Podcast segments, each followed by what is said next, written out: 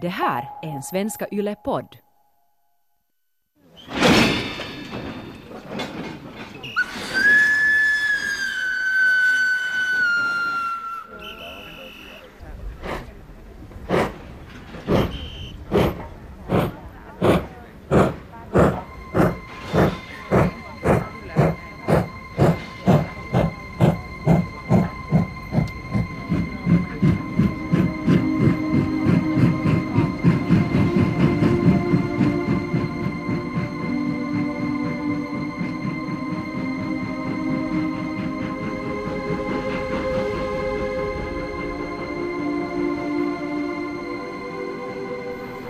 Det här är tyskarnas transportlista för eh, tåget som tog dem till Auschwitz. Det var den där viktigaste bevis att människorna som hade kommit till Finland som judiska flyktingar verkligen blev utskickade till Auschwitz koncentrationsläger.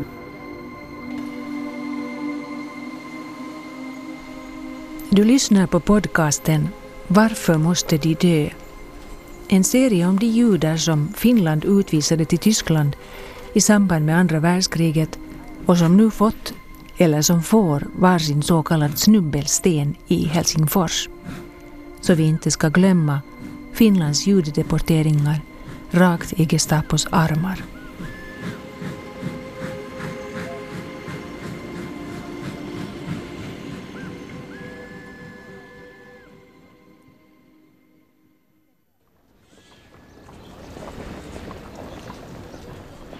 På tre så kallade Stolpersteine, snubbelstenar på Mungsnäs allén 18b i Helsingfors, står namnen på en judisk familj. Här har vi pappa Georg Kollman, nära på färdig läkare, mamma Janka Kollman, 28 år gammal när hon kom till Helsingfors och rätt snart fick arbete som kassa i tygaffären Kangas Håne. Och deras barn Frans Olof Kollman. Från Österrike kom också Georgs yngre bror Stefan Kollman. Medan läkaren Walter Kochen anlände året därpå, 1939, som frivillig i samband med vinterkriget.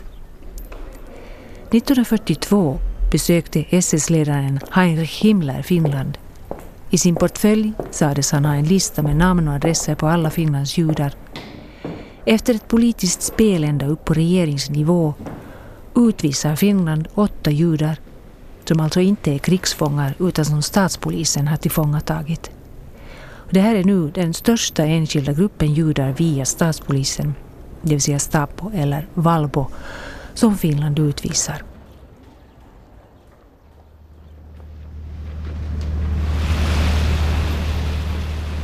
Men 6 november 1942 står de ute på däck i den råa blåsten ombord på det tyska ångfartyget SS Hohenhörn med destination Tallinn. I något skede omplaceras männen under fördäck, Georg Kollman bland dem, medan kvinnorna och barnen placeras i en hytt i fartygets akter, bland dem Janka och lille Frans Olof Kollman. Fram till Tallinn kommer SS Hohenhörn först lite på två dygn senare. För fartyget måste vänta utanför Porkala eftersom ryssarna hade minerat vattnen. Också vi stannar upp här ett tag för att ta reda på vilka de övriga judarna är från statspolisen. Nu ombord på SSHN-hörn den 6 november 1942. Det här alltså förutom alla krigsfångar som samtidigt utlämnas. Forskaren, journalisten Elina Sana, Elina Suominen i slutet av 1970-talet när hon kom ut med sin bok Kuoleman laiva, SSH en hörn. Ja, så här räknar hon upp de andra av de åtta ombord. Före detta Tysklands medborgare Hans Eduard Sybilski, jude och politisk flykting. Sen hade vi från Österrike eh, Heinrich Huppert, handelsresande och hans son Kurt som var tio eller elva år gammal, var född 1931.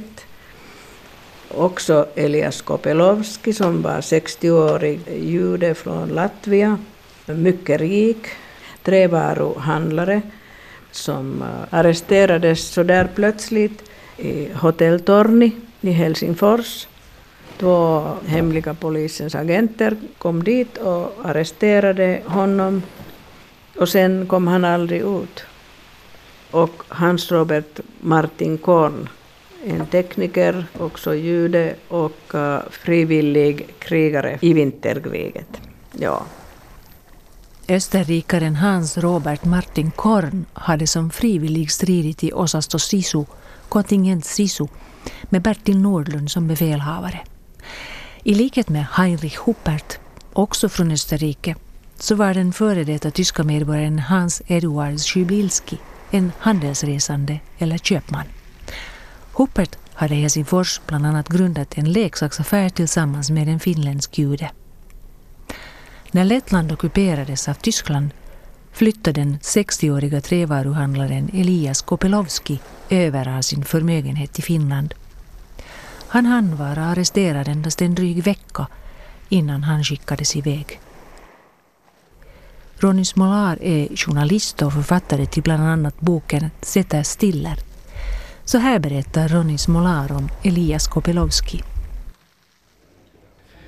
Hans öde fastslogs efter en kväll på restaurang Brunn där han som ungkarl hade suttit i ett bord där han hade haft två damer i sitt sällskap. Han var rätt så berusad enligt de här kvinnorna som hade anmält honom sen till Valpo för han hade under kvällen pratat mycket positivt om Sovjetunionen och tyckte att eh, Tyskland kommer att eh, förlora kriget. Det var hans mening som privatperson. Och de här damerna hade sen varit i kontakt med, med Valpo och Valpo hade förhört honom och tyckte att han är en spion. Så han blev sen anhållen på ett Torni. Valpos killar hade tagit honom och där är en förteckning om allt möjligt som hans privata saker hade blivit kvar där. Så att på det här sättet så blev han häktad och han var en av de här åtta sen som deporterades till Gestapo i, i Tallinn. Så att det här var Kopelovskis öde och jag hade för boken var jag i kontakt med några personer som var mycket nära med Kopelowski och när jag påstod åt dem att ni hade hittat i Valpos eh, dokument i Nationalarkivet att han skulle ha, påstås skulle ha varit spion, så skrattade de att Kopelowski, spion, aldrig i livet. Att han var så öppen och en hjärtlig människa att han skulle aldrig ha kunnat leva ett sånt här dubbelt liv.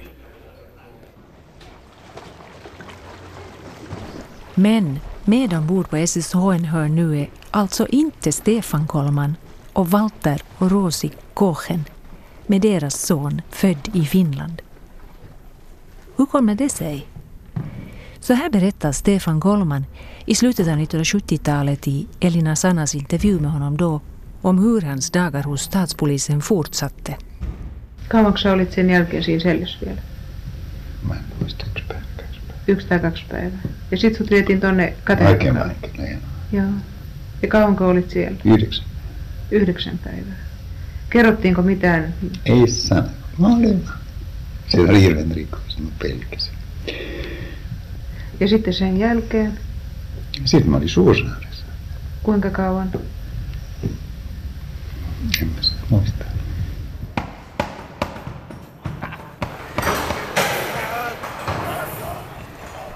Stefan Kolman förs efter ett par dagar till fängelset på Skatudden där han rädd för de många kriminella där sitter cirka nio dygn utan att igen få veta varför han hålls inlåst. Men så plötsligt så får han åka hem på permission till sin familj i Hauho innan han sedan igen återbördas till Hogland.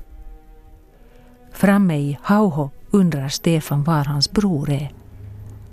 När en ämbetsman svarar honom vad angår det er åker han tillbaka till statspolisen och möter polischef Arno Antoni.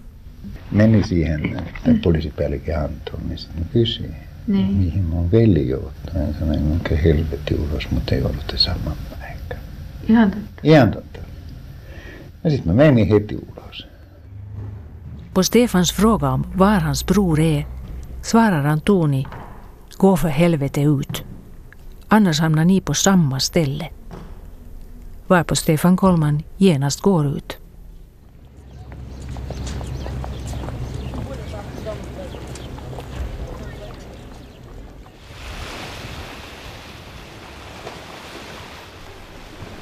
Nu tillbaka till SSHN-hörn och de åtta. Hur fortsätter deras färd? Kommer de att hamna i Auschwitz? Ronny Smolar. Och det finns ju sen olika berättelser vad hände sen genast när de kom till Tallinn. Delvis berättas det att, att eh, de skulle blivit mördade genast där. Och delvis berättas det att de rent av släpps fria i Tallinn och kan återvända till sina hemländer för att leva vidare i dem.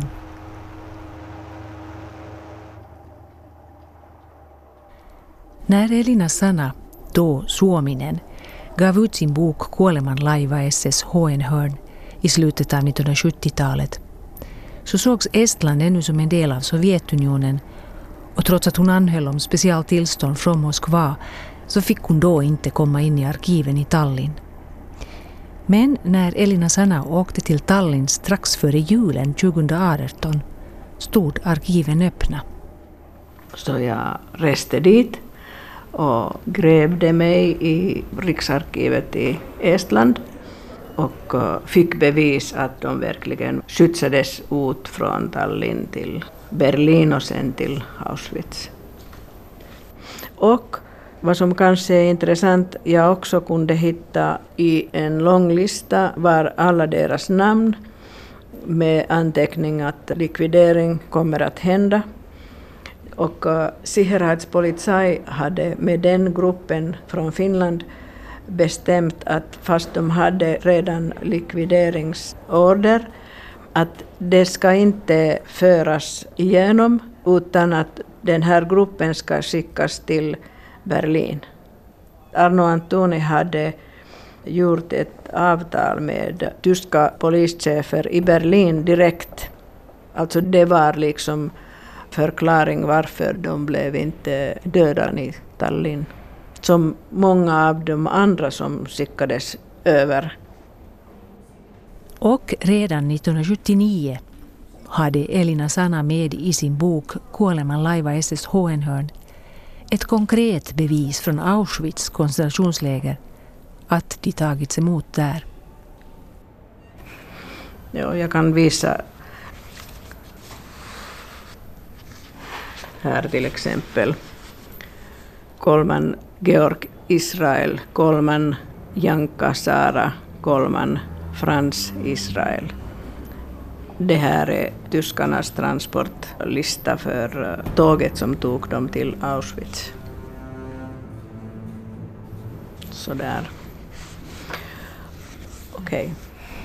Det stod också som rubrik transportliste. Ja, och jag fick den från Auschwitz eh, koncentrationslägrets museumsarkiv. Det var den där viktigaste bevis att människorna som hade kommit till Finland som judiska flyktingar verkligen blev utskickade till Auschwitz koncentrationsläger.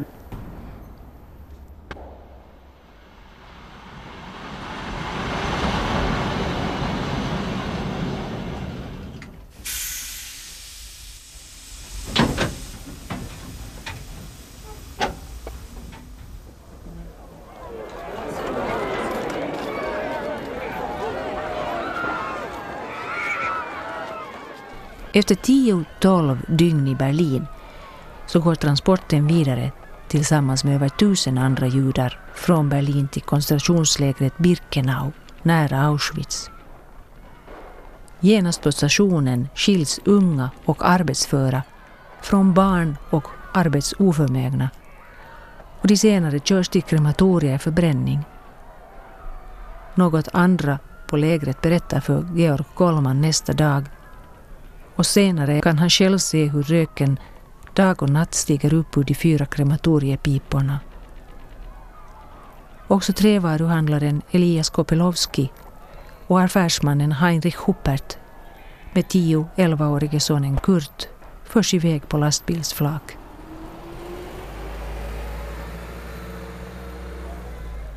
Två veckor efter ankomsten till Auschwitz träffar Georg Kollman affärsmannen Hans Eduard Szybilski. Men hör senare att Szybilski har skjutits under ett påstått flyktförsök.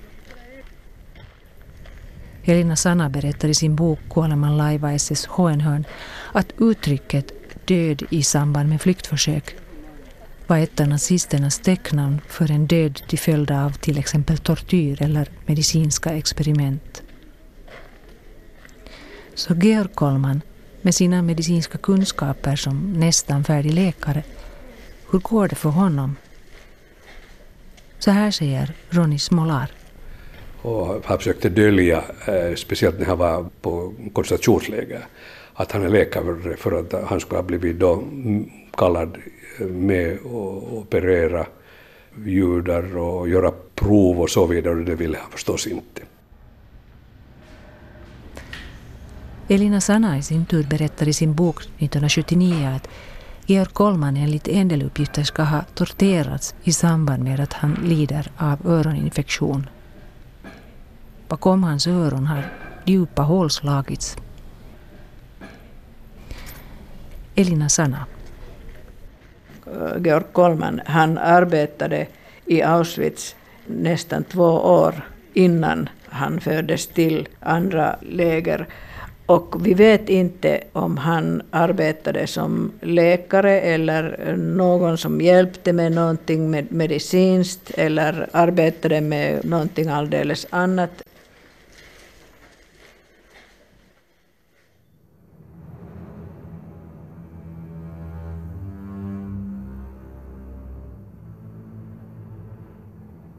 Under förhör används sedvanliga örfilar och dunkande av huvudet och ryggen mot väggen.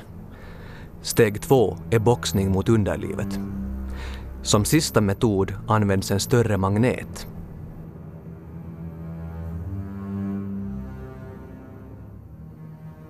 Hur går det för Georg Kollman?